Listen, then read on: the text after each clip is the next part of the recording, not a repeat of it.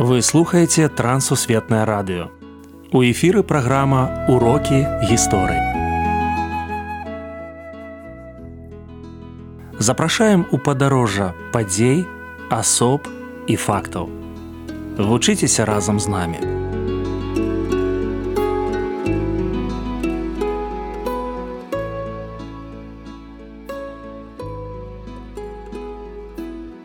Ля мікрафона сяржук брышцель і кандыдат гістарычных навук Андрусь унучак.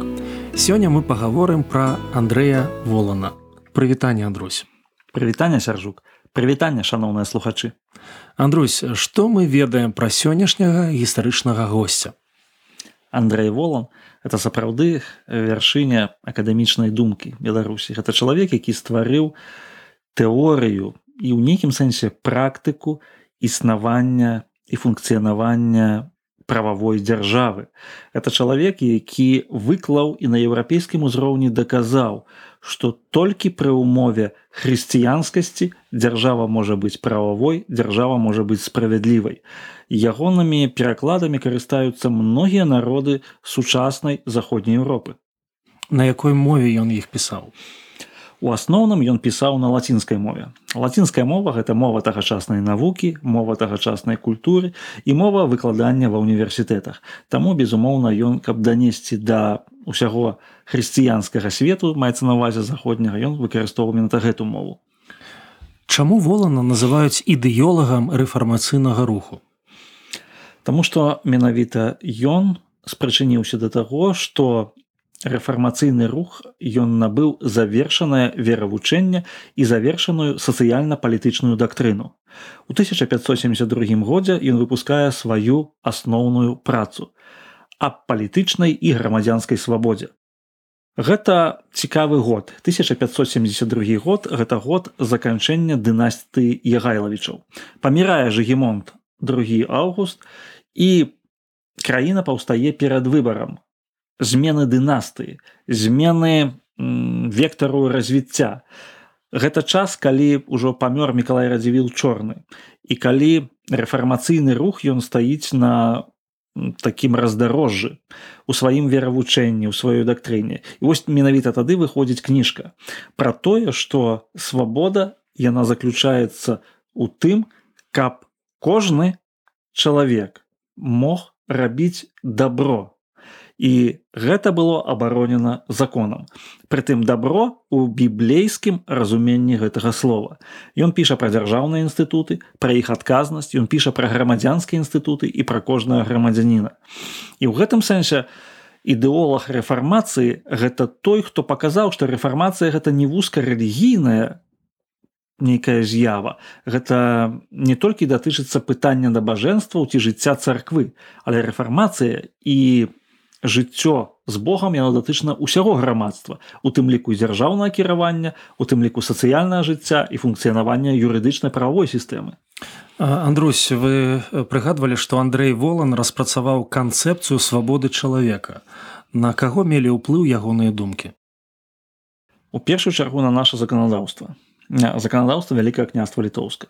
Безумоўна калі мы палядзім статут 1588 году ён пачынаецца з бібліі з кнігі летапісаў там дзе запісана што глядзіце які суд вы творыце бо не суд чалавечы але суд гасподні это быў зварот да суддзяў ягоныя погляды паўплывалі на тое замацаванасць роўнасці ўсіх веравызнанняў у 1573 годзе роўна праз год пасля выдання ягонай працы пра палітычныя і грамадзянскія свабоды прымаецца акт варшаўскай канфедэрацыі які замацоўвае у роўнасць усіх хрысціянаў пры займанні дзяржаўных пасадаў.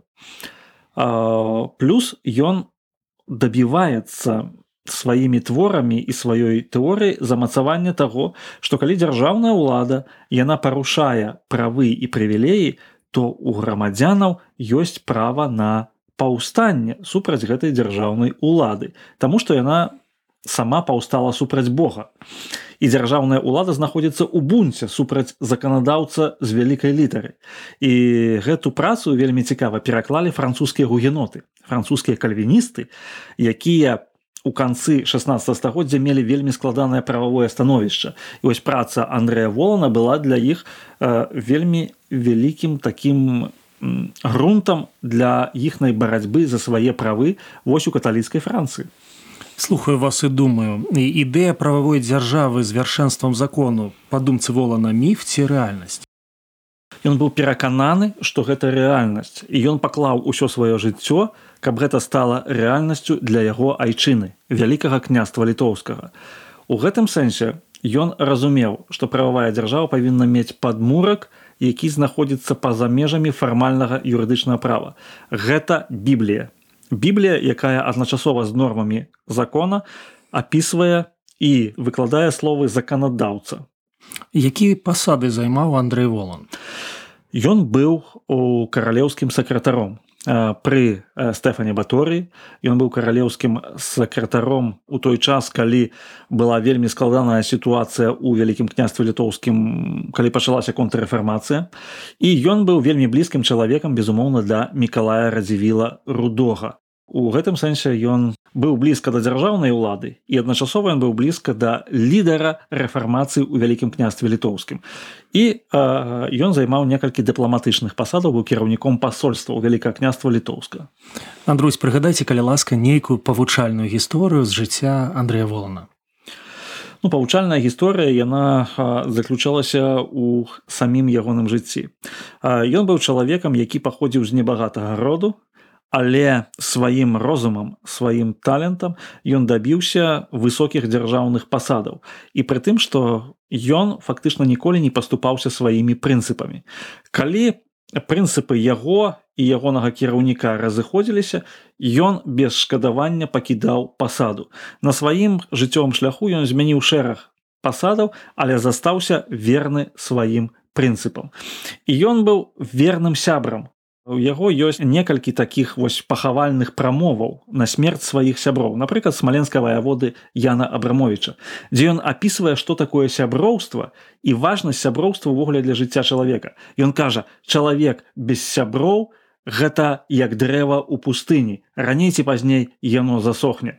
І адным з асноўных стымулаў ягонага жыцця гэта былі сябры і аднадумцы. Ён імкнуўся імі даражыць і іх захоўваць. Дзякуй за размову.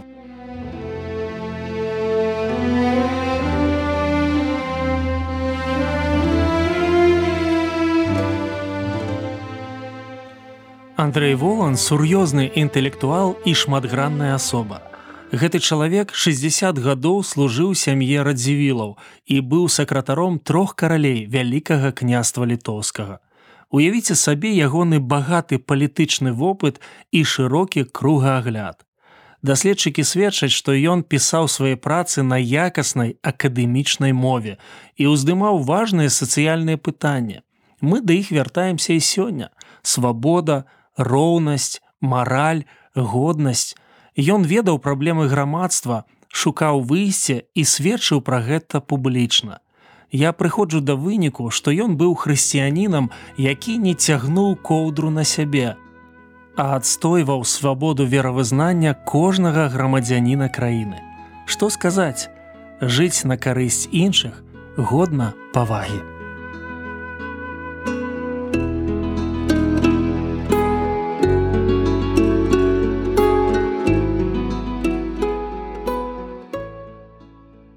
Дзякую, што далучыліся да нашага праекту. Калі ў вас ёсць пытанні, пішыце калі ласка на адрас. Трансусветнае радыё, урокі гісторыі. Паштовая скрынка 45, індекс 22 40 20, горад Брест 20, Беларусь. Пакідаю для сувязі электронную пошту rmtwr кропка бівай собачка gmail.com Шукайце нас на сайце twr.fm. Да новых сустрэч!